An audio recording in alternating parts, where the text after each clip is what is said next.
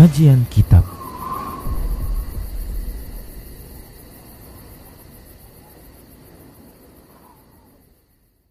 Bismillah, Assalamualaikum warahmatullahi wabarakatuh. Innal hamdalillah nahmaduhu wa nasta'inuhu wa nastaghfiruh wa na'udzu billahi min shururi anfusina wa min sayyiati a'malina. Man yahdihillah fala mudhillalah wa man yudlilhu fala hadiyalah Wa ashhadu an la ilaha illallah wahdahu la syarika lah وأشهد أن محمدا عبده ورسوله صلى الله عليه وسلم. قال الله تبارك وتعالى يا أيها الذين آمنوا اتقوا الله حق تقاته ولا تموتن إلا وأنتم مسلمون. يا ايها الناس اتقوا ربكم الذي خلقكم من نفس واحده وخلق منها زوجها وبث منهما رجالا كثيرا ونساء واتقوا الله الذي تساءلون به والارحام ان الله كان عليكم رقيبا يا ايها الذين امنوا اتقوا الله وقولوا قولا سديدا يصلح لكم أعمالكم ويغفر لكم ذنوبكم ومن يطع الله ورسوله فقد فاز فوزا عظيما أما بعد. فإن أصدق الحديث كتاب الله وخير الهدى هدى رسول الله صلى الله عليه وسلم وشر الأمور محدثاتها وكل محدثة بدعة وكل بدعة ضلالة وكل dolalatin finnar. Alhamdulillah kita bersyukur kepada Allah Subhanahu wa taala yang masih senantiasa memberikan kebaikan kepada kita. Zat yang senantiasa tidak pernah bosan untuk memberikan pemberian-pemberiannya, menganugerahkan anugerah-anugerahnya kepada para hamba walaupun di saat hamba tersebut berbuat dosa kepadanya, durhaka kepadanya. Pantas bagi seorang hamba yang berakal untuk bersyukur kepada Allah Subhanahu wa taala agar Allah Subhanahu wa taala melanggengkan nikmat-nikmat yang telah Allah berikan kemudian Allah menambahkannya. Selawat dan salam tak lupa kita ucapkan untuk Nabi kita Muhammad sallallahu alaihi wasallam. Semoga Allah Subhanahu wa taala menjadikan kita sebagai pengikut setia Rasulnya sampai Allah mewafatkan kita. Para muslim rahimani wa rahimakumullah. Para pemirsa Rosyad TV dan para pendengar radio Medan Mengaji di mana saja Anda berada, kita masih membahas tentang akidah tauhid di dalam bab pembahasan perkara-perkara yang bisa mengurangi tauhid seorang hamba. Dan di antara hal yang mengurangi tauhid seorang hamba tersebut adalah kebid'ahan. Dan kembali kita ingatkan bahwasanya definisi bid'ah yang dimaksudkan oleh Nabi Shallallahu Alaihi Wasallam ketika beliau Shallallahu Alaihi Wasallam menyebutkan bid'ah dengan diiringi celaan dan kesesatan seperti ungkapan beliau Shallallahu Alaihi Wasallam fa inna kulla bid'atin dalalah sesungguhnya setiap bid'ah itu adalah kesesatan. Maka maksud bid'ah di sini adalah maksud bid'ah secara syar'i yaitu perkara-perkara yang baru di dalam urusan agama. Sesuatu yang dia baru baik itu perkataan maupun ucapan, keyakinan, ya. Perkataan, ucapan, keyakinan serta tindakan baik itu menghadirkan sesuatu atau meninggalkan sesuatu yang diyakini itu sebagai ibadah kepada Allah namun tidak ada dalil tentang pensyariatannya. Tidak ada satupun dalil dari Al-Quran maupun hadis Nabi Shallallahu Alaihi Wasallam tentang pensyariatannya. Maka ini adalah makna bid'ah secara syar'i yaitu bid'ah dalam urusan agama. Adapun mana bid'ah secara bahasa maka bukanlah itu yang diinginkan secara syar'i. Bukanlah itu yang diinginkan secara syar'i. Demikian. Bid'ah secara bahasa adalah segala sesuatu yang baru yang tidak ada contoh sebelumnya. Sesuatu yang baru yang dia tidak ada contoh sebelumnya. Dan ini lebih umum ya mencakup apa saja. Baik itu yang tercela maupun yang tidak tercela. Demikian para muslim rahimani wa rahimakumullah. Baik jadi yang kita bahas ini adalah makna bid'ah secara syar'i yang tentunya dia tercela ya yaitu bid'ah di dalam urusan agama. Baik para muslim rahimani rahimakumullah kita akan sebutkan di antara bentuk bid'ah. Secara syar'i bid'ah dalam urusan agama ini adalah menyelenggarakan hari-hari raya Demikian pula perayaan-perayaan yang bid'ah yang dibuat baru, yang diadakan, yang disusupkan ke dalam Islam dan kaum muslimin. Para muslim rahimani wa rahimakumullah.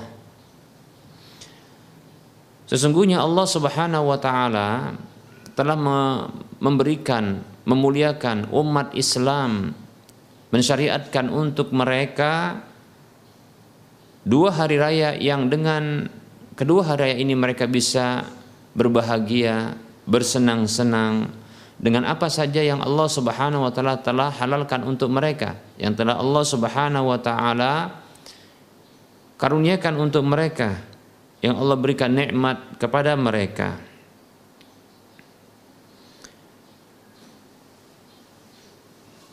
Kedua hari raya tersebut adalah hari raya Idul Fitri dan Idul Adha sebuah hadis dari Anas bin Malik radhiyallahu anhu Rasulullah sallallahu alaihi wasallam bersabda, "Kana lakum yaumani tal'abuna fihima."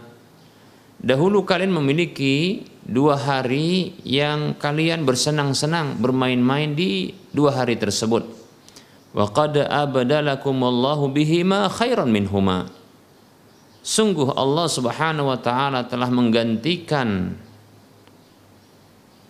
keduanya untuk kalian telah menggantikan keduanya untuk kalian yang lebih baik daripada keduanya untuk kalian.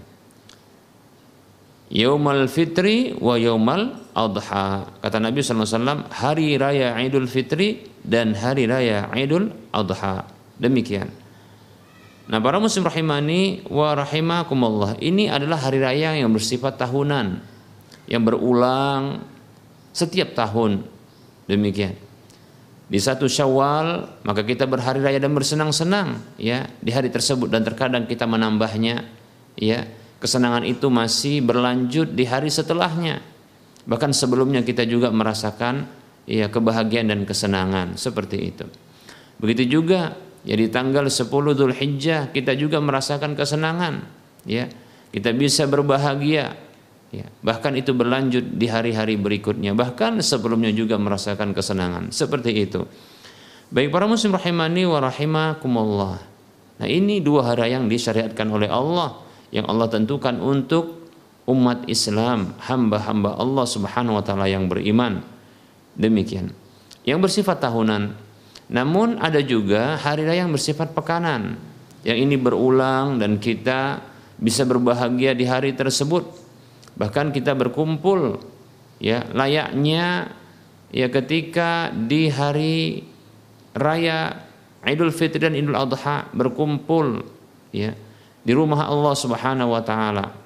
Namun hanya saja yang wajib berkumpul ini adalah laki-laki yang dia setelah dewasa dan dalam kondisi tidak sakit dan dalam tidak safar. Adapun wanita maka tidak wajib baginya. Demikian. Itulah dia ya di hari Jumat sholat Jumat. Demikian para muslim rahimani wa rahimakumullah. Nah ini hari raya pekanan yang dimiliki oleh umat Islam yang kita ketika itu bisa berkumpul ya bisa bersenang-senang bertemu dengan handai tolan saudara-saudara seiman ya dengan jumlah yang begitu banyak dan bisa mendengarkan ya nasihat ya yang disampaikan oleh khatib ketika itu. Demikian para muslim rahimani wa rahimakumullah. Nah, oleh karenanya tidak boleh bagi kita, tidak boleh bagi kita siapa pun ya dari kalangan kaum muslimin ini untuk beribadah kepada Allah Subhanahu wa taala dengan mengadakan hari raya hari raya serta perayaan-perayaan yang lainnya yang dia terus berulang ya dengan berulangnya hari hari pekan ke pekan bulan ke bulan dan tahun ke tahun. Tidak boleh. Tidak boleh bagi kita untuk mengkhususkan dari satu waktu pun baik itu malam siang ya baik itu sifatnya pekanan, baik itu setiap bulan atau setiap tahun untuk beribadah kepada Allah Subhanahu wa taala. Satu ibadah atau beberapa ibadah yang tidak terdapat di dalam syariat ini tentang pengkhususannya. Demikian. Baik itu waktu-waktu tersebut memiliki keutamaan dalam Islam maupun tidak memiliki keutamaan dalam Islam. Karena hal ini semua merupakan perkara baru di dalam agama yang disebut dengan kebid'ahan, ya. Dan dikarenakan hal tersebut tidak pernah dinukilkan dan diriwayatkan dari para sahabat, dari nabi bahkan, dari para sahabat, para nabi, e, dari nabi sallallahu alaihi wasallam dari kalangan para sahabat satu pun di kalangan mereka tidak pernah membuat perayaan-perayaan di waktu-waktu yang sifatnya harian, pekanan, malam atau siang atau bulan yang sifatnya bulanan atau tahunan selain hari raya Idul Fitri Idul Adha dan selain yang bersifat pekanan adalah Jumatan. Demikian. Para sahabat satu pun tidak pernah mereka ya diriwayatkan melakukan menyelenggarakan hari-hari selain hari-hari yang telah kita sebutkan tersebut. Dan tidak juga dari kalangan para salafus soleh dari umat ini para tabi'in tabi'un tabi'in begitu juga para imam-imam madhab demikian. Tidak ada di antara mereka yang mengkhususkan satu malam tertentu atau hari tertentu atau pekan tertentu atau bulan tertentu atau tahun tertentu untuk beribadah dengan ibadah tertentu. Demikian. Nah, ini adalah kesepakatan dari mereka dengan tidak ada perbedaan pendapat di kalangan mereka bahwa hal tersebut tidak disyariatkan. Bahkan terdapat riwayat dari sebagian sahabat tentang pengingkaran terhadap orang yang mengkhususkan sebahagian ya sebahagian bulan dengan ibadah-ibadah tertentu. Ya. Dan ketika pengingkaran itu muncul tak ada satupun dari kalangan ulama-ulama yang semisalnya atau yang lebih ya yang sezaman dengannya itu yang mengingkarinya. Demikian. Baik para muslim rahimani wa rahimakumullah.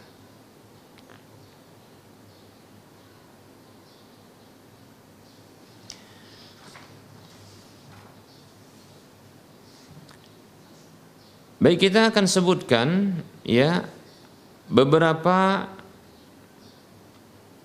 bentuk perayaan-perayaan atau kita sebutkan ya eh, jenis-jenis dari waktu-waktu yang dikhususkan oleh kaum muslimin ya untuk melakukan perayaan atau ya acara-acara hari raya yang sifatnya berulang ya.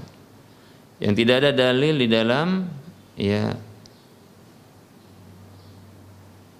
Al-Quran maupun hadis Nabi Shallallahu Alaihi Wasallam. Baik jenis yang pertama adalah hari yang sama sekali syariat ini tidak mengagungkannya.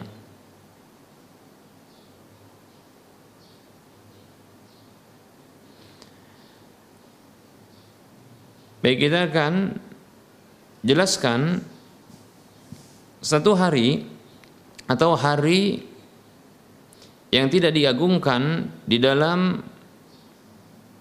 syariat ini sama sekali dan demikian pula ya tidak ada satu kejadian yang khusus yang terjadi di hari tersebut. Lalu dilakukan perayaan-perayaan di hari tersebut. Contohnya adalah seperti ya Kamis yang pertama, hari Kamis yang pertama di bulan Rajab. Ha, e, Kamis yang pertama di bulan Rajab. Kemudian begitu juga malam Jumat setelahnya. Jadi Kamis, hari Kamis yang pertama di bulan Rajab, kemudian berlanjut di malam Jumatnya. Nah ini ini contoh ya di mana hari tersebut sesungguhnya hari yang sama sekali tidak diagungkan di dalam syariat kita. Ya.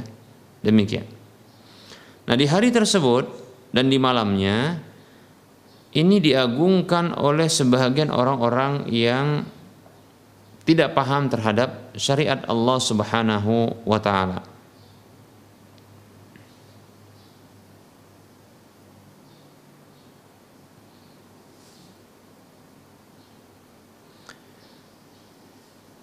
di hari di siang harinya yaitu di siang hari Kamis tersebut ya mereka mempuasai hari tersebut dan di malam harinya ya itu dilakukan sholat sholat malam ya mereka melakukan sholat dengan tata cara yang khusus yang disebut dengan sholat ragaib sholat ragaib Nah, semua ini tidak ada dalilnya. Bahkan ini termasuk bid'ah yang diharamkan. Ya. Nah, munculnya sholat jenis seperti ini atau e, sholat ini itu setelah ya 400 tahun ya setelah 400 tahun. Dan ini ya untuk memotivasi kaum muslimin dibuatlah hadis-hadis palsu tentang keutamaannya ya. Dan kaum muslimin para ulama ahli hadis lebih khususnya ya ini menyatakan hadis tersebut palsu berdasarkan ya kesepakatan seluruh para ulama demikian begitu juga terdapat hadis-hadis yang palsu tentang keutamaan puasa di sebahagian hari-hari dari bulan Rajab tersebut. Begitu juga ya ada hadis-hadis yang datang tentang keutamaan sholat di sebagian waktu baik itu siang atau malam dari bulan Rajab. Semua ini adalah hadis-hadis yang doif, hadis yang doif. Bahkan ada juga sebagian yang palsu demikian.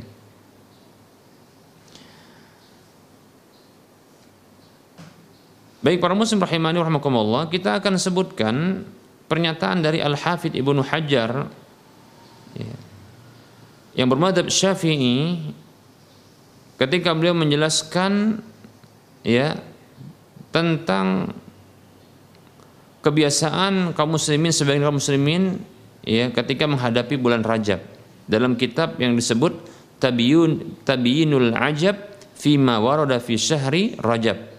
Di halaman yang ke-23 beliau mengatakan lam yarid fi fadli syahri rajabin wala fi siyami fi wala fi siyamin syai'un minhu ya muayyanun wala fi siyami syai'in minhu muayyanin atau muayya, muayyanun wala fi qiyami lailatin makhsusatin makhsusatin fihi hadithun sahihun yasluhu lil hujjati Kata beliau, tidak terdapat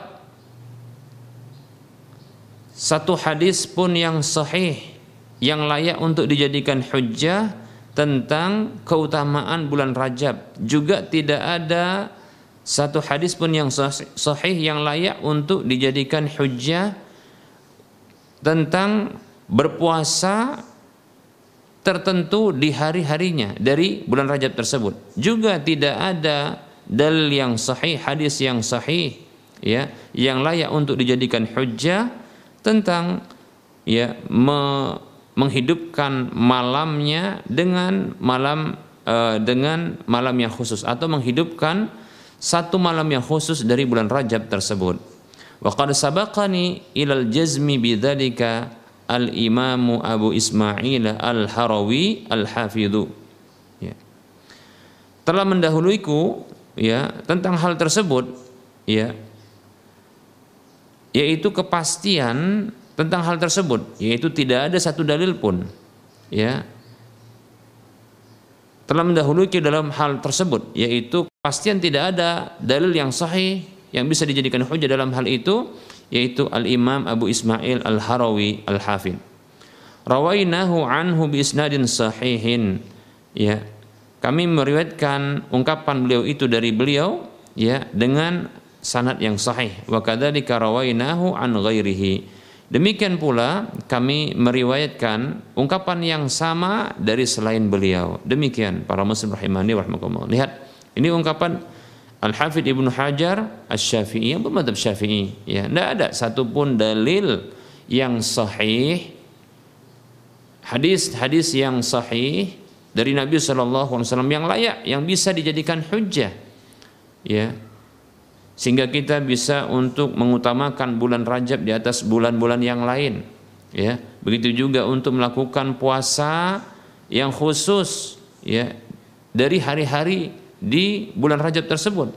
Atau melakukan salat malam di malam yang khusus dari hari-hari ya bulan Rajab tersebut. Tidak ada dalil satupun yang sahih demikian para muslim rahimani wa rahimakumullah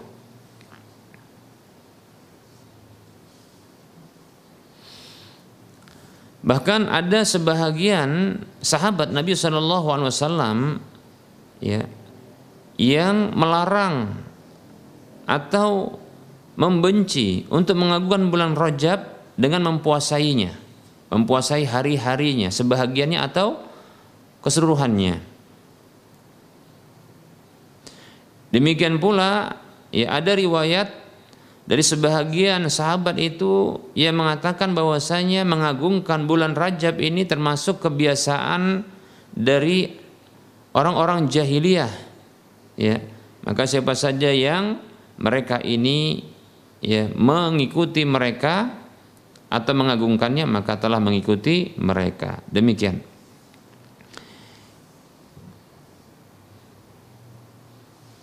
Baik kita akan sebutkan ya ungkapan dari al khorsa uh, ungkapan ya riwayat tentang Umar di mana Umar ini pernah memukul tangan orang-orang yang mereka ini berpuasa di bulan Rajab dan memerintahkan untuk makan. Dari Khorsyah ya ada riwayat dari Khurasyah atau Khursyah Ibnul Har.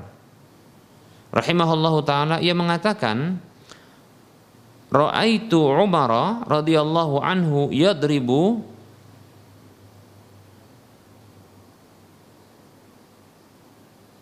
akifan nasi fi rajabin hatta yad'uha fil jifani wa yaqulu kulu fa innama huwa syahrun kana yu'azzimuhu ahlul jahiliyati.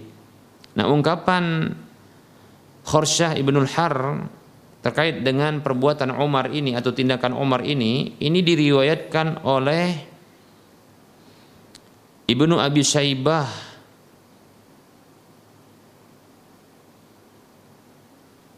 Begitu juga Ibnu Kasir dalam Musnad Al-Faruq di juz yang pertama di halaman 285. Ibnu Katsir dalam Musnad Al-Faruq itu Umar maksudnya ini meriwayatkan ungkapan ini juga ya. Di juz yang pertama di halaman 285. Itu ungkapan Khursyah atau Khursyah Ibnul Har. Ia mengatakan yang artinya aku melihat Umar radhiyallahu anhu memukul telapak telapak tangan orang-orang di bulan Rajab sampai mereka mau meletakkan tangan-tangan tersebut pada wadah makanan sembari beliau mengatakan makan. Jadi diperintahkan untuk makan, jangan berpuasa. Itu maksudnya. Beliau mengatakan Umar radhiyallahu anhu mengatakan fa inna ma huwa syahrun kana yu'azzimuhu ahlul jahiliyati. Sesungguhnya ya ini adalah bulan yang diagungkan oleh orang-orang jahiliyah. Ya orang-orang musyrik tentunya. Demikian. Ya.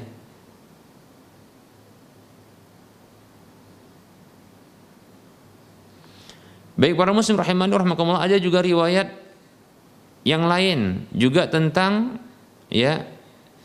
Uh, sikap sahabat tentang bulan Rajab ini. Dari Muhammad bin Zaid.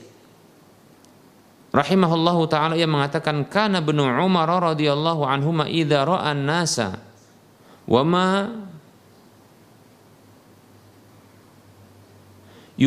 wa ma yu'idduna li rajabin kariha dzalika Kata Muhammad bin Zaid rahimahullahu taala, dahulu Abdullah bin Umar radhiyallahu anhuma apabila melihat orang-orang dalam kondisi mereka ya mempersiapkan dan apa saja, mempersiapkan apa saja untuk bulan Rajab itu, maka ia membenci, beliau ini membenci hal tersebut. Demikian. Nah, ungkapan ini dikeluarkan juga oleh Imam Ibnu Abi Syaibah. Ya, Imam Ibnu Abi Syaibah dengan sanad yang sahih. Begitu ya.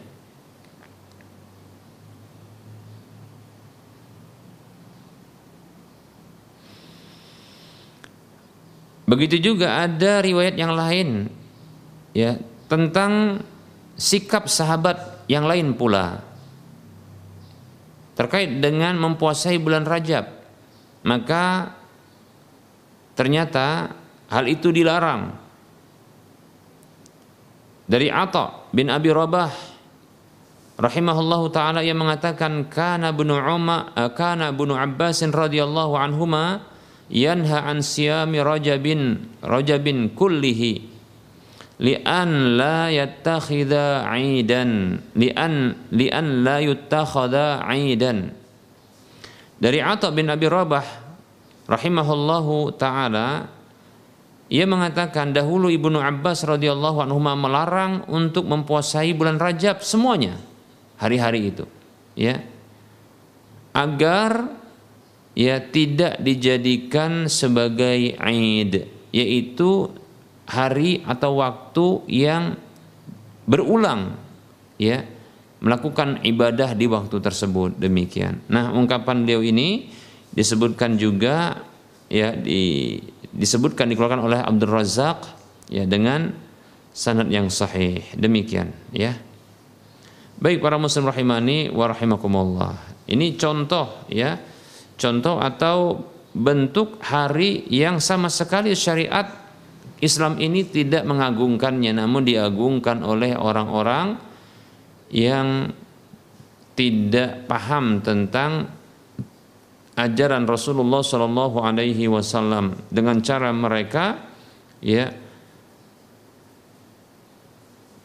ketika datang hari tersebut ya mereka mengagungkannya mereka memuliakannya dengan cara mereka melakukan puasa di siang harinya hari Kamis dari ya awal bulan Rajab itu kemudian di malam harinya itu dengan berpuasa. Demikian para muslim rahimani wa rahimakumullah.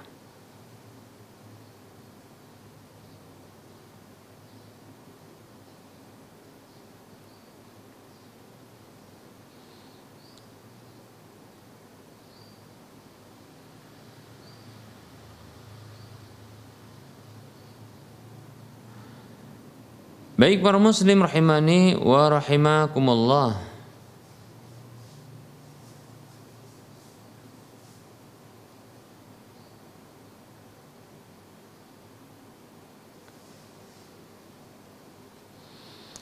Demikian pula ya ada larangan dari Nabi Shallallahu Alaihi Wasallam ya tentang solat mengkhususkan solat Jumat maaf mengkhususkan sholat malam ya di malam Jumat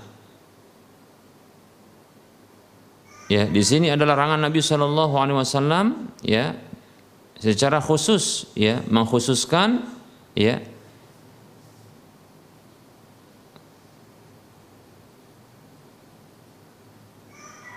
sholat malam di malam Jumat secara khusus Baik para muslim rahimani wa rahimakumullah. Hadisnya hadis yang sahih.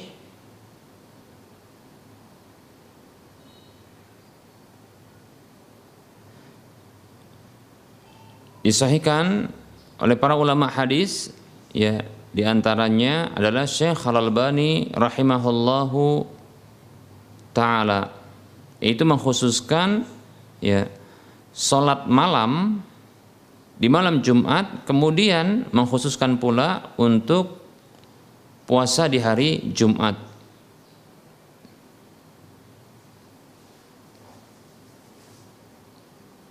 Ini adalah uh, tentunya sebagai bentuk bantahan kepada mereka yang mengkhususkan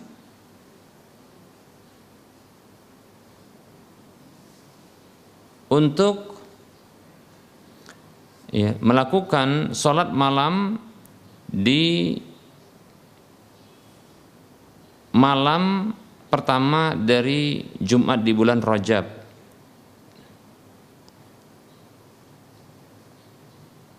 Ada hadis yang dikeluarkan oleh Imam Muslim juga demikian pula Imam An-Nasai dalam Sunan Al-Kubra, Imam Ahmad dalam Musnadnya dari sahabat Abu Hurairah radhiyallahu anhu bahwa Nabi sallallahu alaihi wasallam dia bersabda,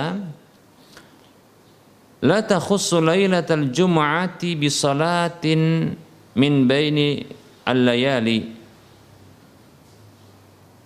Wa la takhussu yaumal jum'ati bi siyamin min bainal layali min bainil yala min bainil ayami illa an yakuna fi saumin yasumuhu ahadukum. Kata Nabi Shallallahu Alaihi Wasallam, janganlah kalian mengkhususkan malam Jumat itu dengan sholat dari malam-malam yang lainnya. Dan janganlah kalian mengkhususkan hari Jumat untuk berpuasa, ya, dari hari-hari yang lainnya. Kecuali, ya, pada puasa yang dia biasa salah seorang di antara kalian mempuasainya. Nah, contohnya seperti barangkali adalah puasa Daud ya puasa Daud yang berkenaan dengan hari Jumat seperti itu ya nah di sini Rasulullah melarang untuk ya mengkhususkan malam Jumat dengan sholat ya. Nah ini sebagai bantahan ya kepada siapa saja yang mengkhususkan Kamis pertama dari bulan Rajab ini di malam harinya malam Jumat dengan puasa eh, dengan sholat eh, khusus di malam Jumatnya kemudian di hari Kamisnya itu juga eh, dipuasai di awal tadi kita sudah sebutkan tentang ya larangan mengkhususkan puasa Rajab ya. Bahkan Umar radhiyallahu anhu sampai memukul ya tangan orang-orang yang mereka berpuasa di bulan Rajab secara khusus ya. Memukul bila mereka tidak mau me, mem, memakan makanan. Ya sampai mereka mau memakan makanan. Demikian seperti itu. Ya. Adapun untuk mengkhususkan malam Jumat dengan salat maka ini ada larangan dari Nabi sallallahu alaihi wasallam la takhussu lailatal jum'ati bi salatin min baini al-layali. Jangan kalian khususkan malam Jumat itu ya dengan sebuah solat atau dengan solat ya dari malam-malam yang lainnya. Demikian para muslim rahimani wa rahimakumullah. Ya.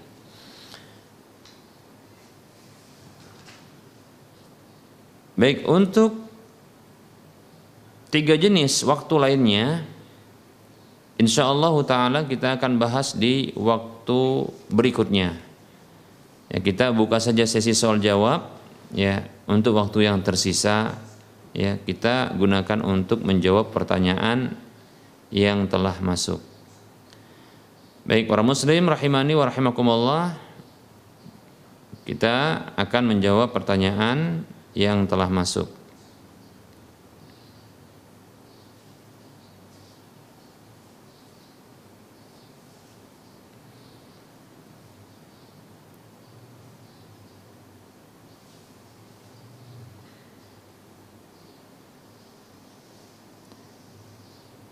Baik, pertanyaan berikut.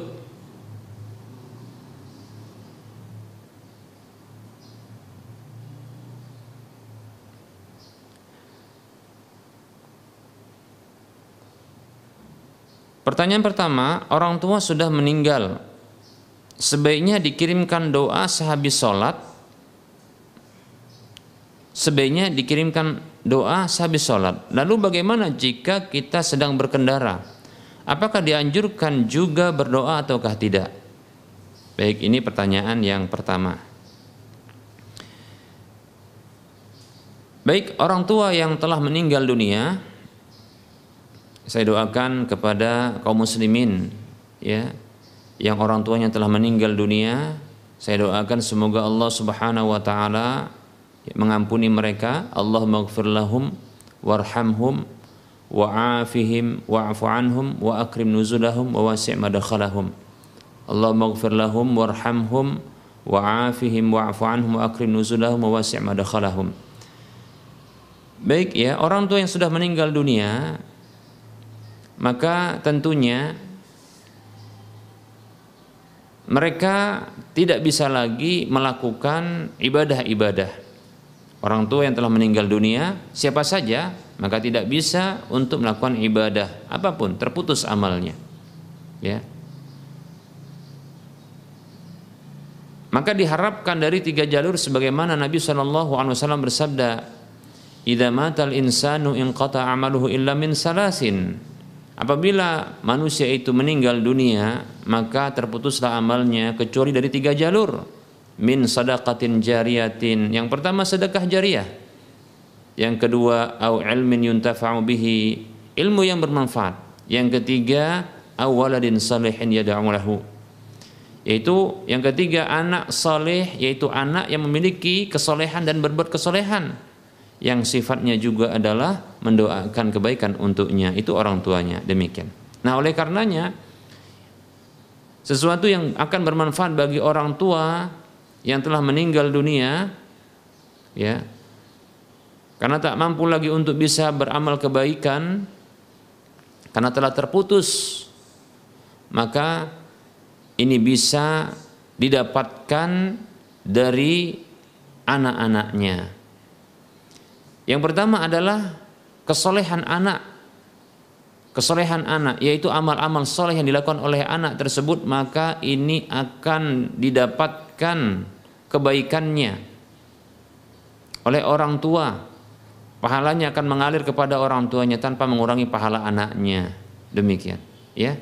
Berdasarkan hadis yang kita sebutkan tadi, yaitu amal soleh, yaitu anak anak soleh. Maksudnya anak soleh adalah anak yang melakukan amal-amal kesolehan. Ini adalah aset bagi orang tua. Ya, demikian.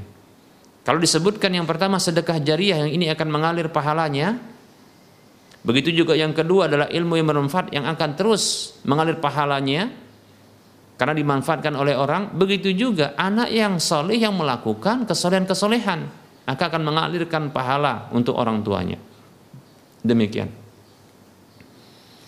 Yang kedua, saya ulangi, yang pertama adalah kesolehan anak. Amal-amal soleh anak ini maka akan mengalir ya pahalanya kepada orang tuanya tanpa mengurangi pahala anak tersebut. Demikian ya. Tentunya dalam kondisi orang orang tua dan anak tersebut ya itu sama-sama masih dalam kondisi muslim mukmin. Demikian ya. Seperti itu. Kalau kafir maka tentunya tidak bisa ya. Baik ya. Nah ini motivasi bagi kita. Bagi siapa saja di antara kita yang berstatus anak untuk mengirimkan pahala kepada orang tua kita yaitu dengan cara amal-amal soleh kita yang kita perbanyak ya. Secara otomatis akan dikirimkan oleh Allah Subhanahu wa taala pahalanya, pahalanya kepada orang tua kita. Demikian ya. Seperti itu. Tanpa pun kita meniatkannya. Kenapa? Karena kita adalah hasil usaha orang tua kita Allah mengatakan wa alaisa lil insani illa ma sa'a. Tidaklah manusia itu mendapatkan kecuali apa yang dia usahakan. Laha maka sabat wa alaiha maktasabat. Bagi jiwa tersebut kebaikan yang dia usahakan dan atas jiwa tersebut keburukan yang dia upayakan. Jadi kebaikan yang diusahakan ini akan ya dia dapatkan. Demikian. Nah, hasil usaha yang terbaik seorang muslim di antaranya adalah anak kata Nabi Shallallahu Alaihi Wasallam. Ya. Inna auladakum min atyabi kasbikum. Sesungguhnya anak-anak kalian itu adalah hasil usaha terbaik kalian. Maka para muslim rahimani rahimakumullah tentunya ya ini akan membawa kebaikan bila anak-anak tersebut melakukan kebaikan, amal-amal kebaikan, amal-amal kesolehan begitu ya. Demikian. Nah, ini motivasi bagi kita untuk menjadi anak-anak yang soleh yang melakukan kesolehan, kebaikan-kebaikan, amal ibadah itu akan mengalir pahalanya. Kebaikannya bukan hanya untuk pribadi kita, namun ternyata juga untuk kedua orang tua kita. Jika mereka masih beriman, masih beragama Islam di sisi Allah Subhanahu wa taala tentunya ya akan mengalir kepada mereka. Ya nggak terbatas. Mengapa? Karena kita adalah hasil hasil usaha mereka. Demikian. Yang kedua adalah doa. Dalam hadis yang sama juga demikian. Disebutkan ya yad'ulahu awaladin salihin yad'ulahu anak yang melakukan kesolehan-kesolehan yang berdoa kebaikan untuk orang tuanya. Demikian. Maka berdoalah ya untuk kebaikan orang tua Ya seperti tadi doa yang kita sebutkan Allahumma gfir lahu warhamhu wa'afihi wa'afu anhu. Allahumma gfir lahuma. Ya demikian. Seperti itu. Kita doakan untuk kedua orang tua kita. Demikian. Ya. Seperti itu para muslim Rahimani wa rahimakumullah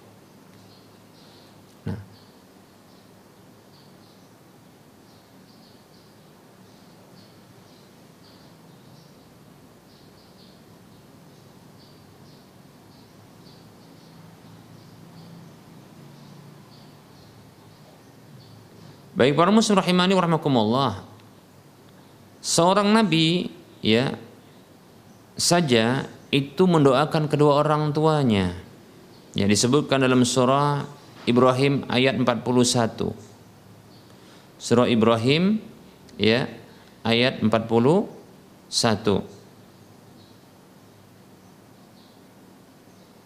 Itu doa Nabi Ibrahim Beliau berdoa, Rabbana ghafirli wali walidayya walil mu'minina yawma yaqumul hisab. Wahai Rabb kami, ampunilah aku dan ampuni kedua orang tuaku, ya. Dan untuk kaum mukminin, orang-orang mukmin ya seluruhnya, ya. Di hari ya ditegakkannya perhitungan. Demikian, ya. Ini dalam surah Ibrahim ayat 41. Ya.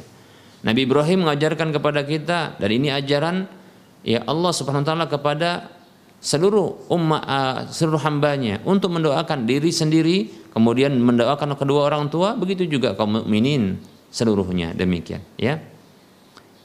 Walaupun tidak mesti sama nggak mesti rabbana uh, rabbana rabbana ghfirli wali walidayya walil mu'minina yauma yaqumul hisab. Nggak mesti begitu kalau doa seperti ini bagus, tapi kalau doa yang lain juga boleh seperti Allah maghfirli wali walidayya warhamhuma kama rabbayani saghira demikian seperti itu boleh. Doakan kebaikan untuk orang tua. Lebih khusus adalah doa ampunan. Mengapa? Ternyata ada riwayat hadis ya yang diriwayatkan oleh Imam Bukhari ya dalam Adabul Mufrad disebutkan juga di mana ternyata doa ampunan seorang anak untuk orang tuanya, maka ini akan meninggikan derajatnya. Demikian. Meninggikan derajatnya. Kata Nabi ini hadis dikeluarkan oleh Imam Bukhari dalam Adabul Mufrad disahkan oleh Syekh Al-Albani rahimahullah taala dari sahabat Abu Hurairah radhiyallahu anhu. Ya, turfa'u lil mayyiti ba'da mautihi darajatuhu. Diangkat derajat orang yang wafat setelah kematiannya. Maka dia bertanya kepada Allah Subhanahu wa taala ketika dia bertemu dengan Allah. Karena dia mendapatkan sebuah balasan amal sementara dia tidak berbuat. Karena setiap orang itu akan melihat balasan amalnya. Ya. Dan dia mendapatkannya. Nah, ternyata ada seseorang yang diangkat derajatnya sementara dia tak pernah beramal dengan amalan tersebut. Sehingga dia mendapatkan ya terangkatnya derajatnya di sisi Allah Subhanahu wa taala. Maka dia bertanya, "Ay Rabbi mahadihi?" Wahai Rabbku, ini apa? Balasan ini apa? Maka dikatakan kepadanya, "Waladuka istaghfarolaka." Anakmu itu mohon ampun untukmu. Lihat, ya. Jadi permohonan ampun ya, anak ini ternyata akan meninggikan derajat orang tuanya dan mudah-mudahan ya ditinggikan derajat itu mulai dari terpuruknya karena dosa-dosa Nah, begitu dimintakan ampun oleh anaknya maka akan terangkat sedikit dihapuskan dosanya. Seterusnya sampai pun ini berkurang siksa bahkan hilang siksanya karena permohonan ampun anak untuk orang tuanya. Seterusnya sampai nanti tinggi tinggi dan tinggi di surga. Demikian, masya Allah ya demikian. Ya seperti itu. Baik para muslim rahimani wa rahimakumullah. Jadi tetap berdoa, ya berdoa untuk orang tua. Baik ya. Nah bisa juga setelah sholat, bisa juga dalam sholat. Tapi dengan bahasa Arab. Kalau saya condongnya kalau dalam sholat maka dengan bahasa Arab. Nah demikian ya. Seperti itu. Di luar sholat juga boleh. Sebelum sholat ya antara adzan dan iqamat itu waktu yang mustajab Begitu juga setelah sholat. Begitu juga di waktu-waktu yang lain. Ya, lebih-lebih barangkali dalam kondisi ketika teringat orang tua, ada rasa takut yang menghinggapi dirinya, orang tuanya disiksa di dalam kuburnya, maka mintakan ampun ya kepada Allah untuk keduanya atau salah satu darinya apabila telah meninggal dunia. Demikian, ya. Baik para muslim rahimani rahimakumullah ini uh, jawaban untuk pertanyaan pertama. Pertanyaan kedua, Salat tahajud di bulan Ramadan apakah faedahnya sama dengan salat tahajud di luar bulan Ramadan? Ya tentunya berbeda. Ya. Salat tahajud di, di, di bulan Ramadan, salat tahajud di bulan Ramadan itu termasuk adalah qiyamul lail di bulan Ramadan. Secara khusus orang yang menghidupkan malam-malam Ramadan itu itu mendapatkan ampunan Allah Subhanahu wa taala. Kata Nabi sallallahu alaihi wasallam, "Man qama Ramadana imanan wa ihtisaban, ghufira lahu ma taqaddama min dhanbihi." Hadis riwayat Bukhari dan Muslim.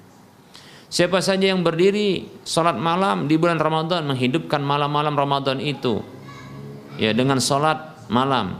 Termasuk di antaranya salat tahajud bahkan salat witir juga kalau bisa ya. Dengan penuh iman dan harap pahala kepada Allah Subhanahu wa taala maka diampuni ya baginya dosa-dosa yang telah berlalu. Demikian. Hadis riwayat Bukhari dan Muslim. Nah itu keutamaan yang luar biasa bahkan dibolehkan secara khusus dan berterusan untuk melakukan sholat malam itu tahajud itu berjamaah. Ya berjamaah. Bahkan pahalanya luar biasa kalau berjamaah selesai bersama dengan imam. Ya yaitu akan ditulis seperti orang yang menghidupkan malam tersebut seluruhnya. Kata Nabi saw man qama ma'al imami hatta yansarifa kutibalahu qiyamul lailatin. Kalau tidak salah ini hadis riwayat Tirmidzi, Abu Daud dan yang lainnya. Yang jelas ashabus sunan. Kata Nabi Shallallahu Alaihi Wasallam, siapa saja yang berdiri sholat malam bersama dengan imam sampai selesai imamnya, maka dicatat baginya qiyamul lailatin, yaitu qiyam berdiri lailatin semalam suntuk berterusan di malam itu seolah-olah seperti itu padahal barangkali sholatnya hanya bersama dengan imam mungkin 8 rakaat atau 20 rakaat. Ditambah witir kan begitu. Nah, luar biasa. Maka tidaklah sama tentunya ya. Tidaklah sama pahalanya. Wallahu taala a'lam. Baik.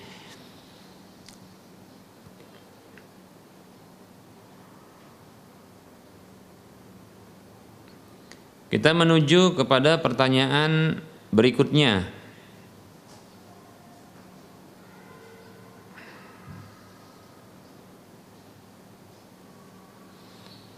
Ini pertanyaan yang berulang tapi tidak mengapa, kita jawab saja ya. Tapi kita baca dulu ya. Bismillah Ustadz saya ingin bertanya.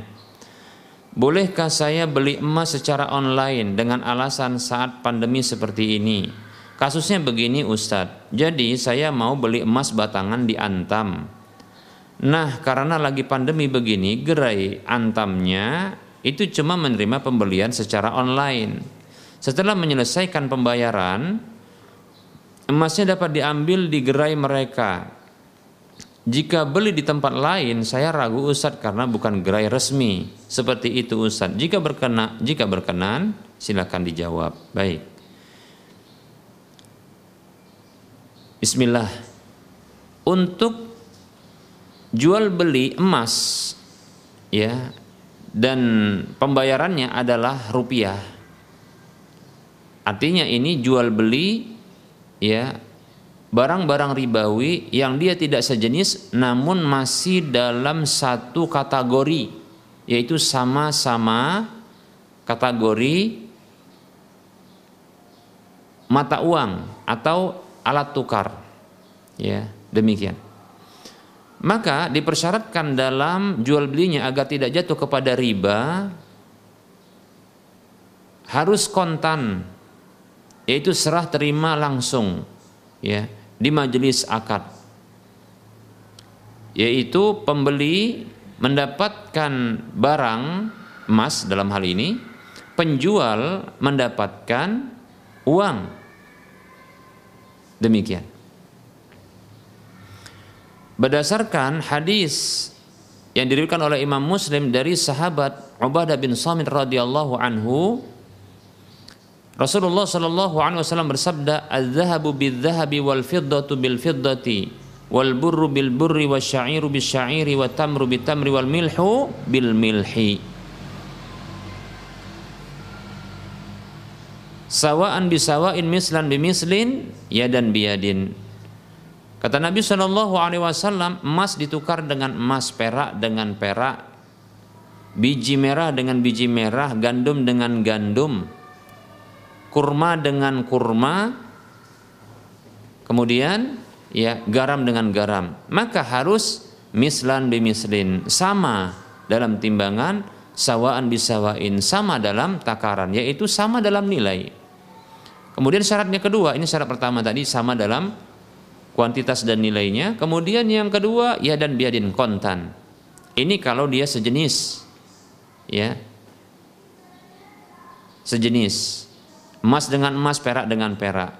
Disamakan dengan itu adalah alat-alat tukar yang lainnya, ya, yaitu seperti rupiah dengan rupiah, ya, begitu juga seperti dolar dengan dolar tapi harus sama. Dolar Amerika dengan dolar Amerika yen dengan yen ya real dengan real dan seterusnya. Ini sama.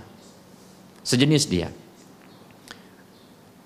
Kemudian ya bahan makanan yang bisa ditimbang dan ditakar serta disimpan yang Rasulullah menyebutkannya empat di sini yaitu biji merah, kurma, gandum dan garam. Disamakan dengan itu adalah bahan makanan yang bisa disimpan dan ditakar serta ditimbang. Contohnya seperti kalau yang sekarang adalah beras, maka beras dengan beras begitu. Syaratnya dua yaitu ketika tukar menukar sejenis seperti ini atau jual beli sejenis seperti ini maka syaratnya dua sama dalam kuantitas dan yang kedua adalah kontan. Namun apabila berbeda jenisnya kata Nabi Wasallam Wa idza ikhtalafat asnafu Apabila berbeda jenis-jenisnya, namun perlu kita ketahui berbeda jenis, ya ini maksudnya masih masih dalam satu kategori, ya. Maka Rasulullah mengatakan, ya contohnya eh, dalam kategori alat tukar, ya seperti emas dengan perak, perak dengan emas, emas dengan rupiah, nah, begitu ya tukar menukarnya atau belinya, ya seperti itu perak dengan e, real dan seterusnya. Atau contohnya e, rupiah dengan dolar, ringgit dan semisalnya. Baik, ini namanya e, tidak sejenis namun masih dalam satu kategori. Begitu juga contohnya ya e, gandum dengan kurma, kurma dengan beras. Nah, seperti itu. Ini masih dalam satu kategori namun beda jenis. Maka kata Rasulullah, fabi'u kaifa maka juallah sesuka hati kalian dengan nilai tukar uh, dengan nilai yang berbeda-beda, dengan kuantitas yang berbeda-beda satu dengan yang lainnya. Tapi Rasul menyebutkan ada syaratnya, idza kana ya dan biadin. Asalkan ya dengan syarat apabila dia itu kontan, yaitu serah terima langsung di majelis akad. Ya. Alat pembayarnya itu diserahkan, begitu juga barang yang dibeli itu diterima. Seperti itu. Itu kontan. Nah, dalam kasus yang disebutkan ini, ini tidak kontan karena pembayaran itu lewat ATM sepertinya, ya. Atau pembayaran yang jelas lewat uh, eh, SMS banking atau yang semisalnya lewat perbankan. Secara online pembayarannya. Namun serah terima barang yaitu berupa emas ini di waktu berikutnya ya maka ini adalah dia tidak terpenuhi syarat jual beli barang-barang ribawi yang beda jenis namun masih dalam satu kategori yaitu syaratnya satu kontan. Nah, di sini jatuh kepada ya riba disebut dengan riba nasiah, yaitu riba karena ada penundaan serah terimanya demikian. Dan ini tentunya haram karena riba seperti itu. Wa halallahu al-bai'a wa harramar riba. Allah menghalalkan jual beli dan mengharamkan riba seperti itu ya. Oleh karenanya jangan seperti ini dilakukan. Terus bagaimana? Ya, langsung saja bawa uangnya. Ya, bawa uangnya. Atau kita katakan langsung ya ke perusahaan antam tersebut lalu melakukan pembayaran di perusahaan itu. Walaupun pembayarannya tidak tidak berupa uang cash. Yaitu berupa online juga. Contoh ya ketika datang ke perusahaan antam itu. Lalu di sana membeli emas. Dibayar di tempat tersebut walaupun online lalu diterima barangnya. Masih di majelis akad ya uang itu ditransfer masuk ke hiyazatul milk yaitu kekuasaan wilayah kekuasaan dari perusahaan antam itu. Walaupun tidak kontan diberikan tapi sudah masuk kepada kepemilikan mereka dan terima ketika itu serah terima emas. Ini kontan. Ya.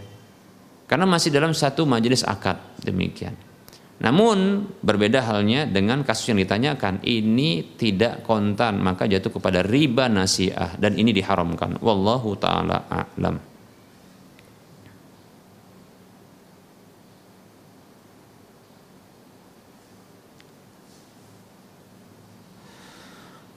Ada pertanyaan Assalamualaikum Ustaz. Apa hukumnya dalam Islam mengikuti acara upah-upah saat pernikahan? Kemudian bagaimana cara kita menolaknya Supaya keluarga lain tidak sakit hati? Mohon penjelasannya Ustaz. Jazakallahu khaira Waalaikumsalam warahmatullahi wabarakatuh. Wa anta fajazakallahu khaira.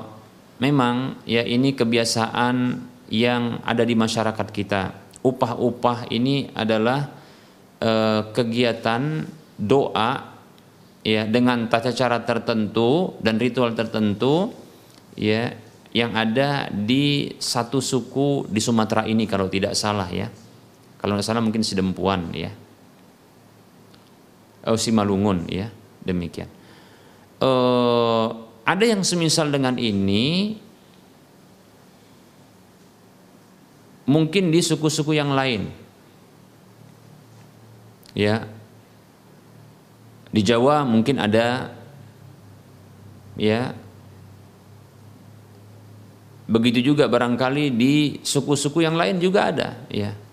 Tapi kita katakan ya sesungguhnya apa pun ya kebiasaan dari satu suku mana pun ya ini harus ditimbang dengan kacamata Islam yang di mana Allah Subhanahu Wa Taala yang memiliki agama ini yang menciptakan kita.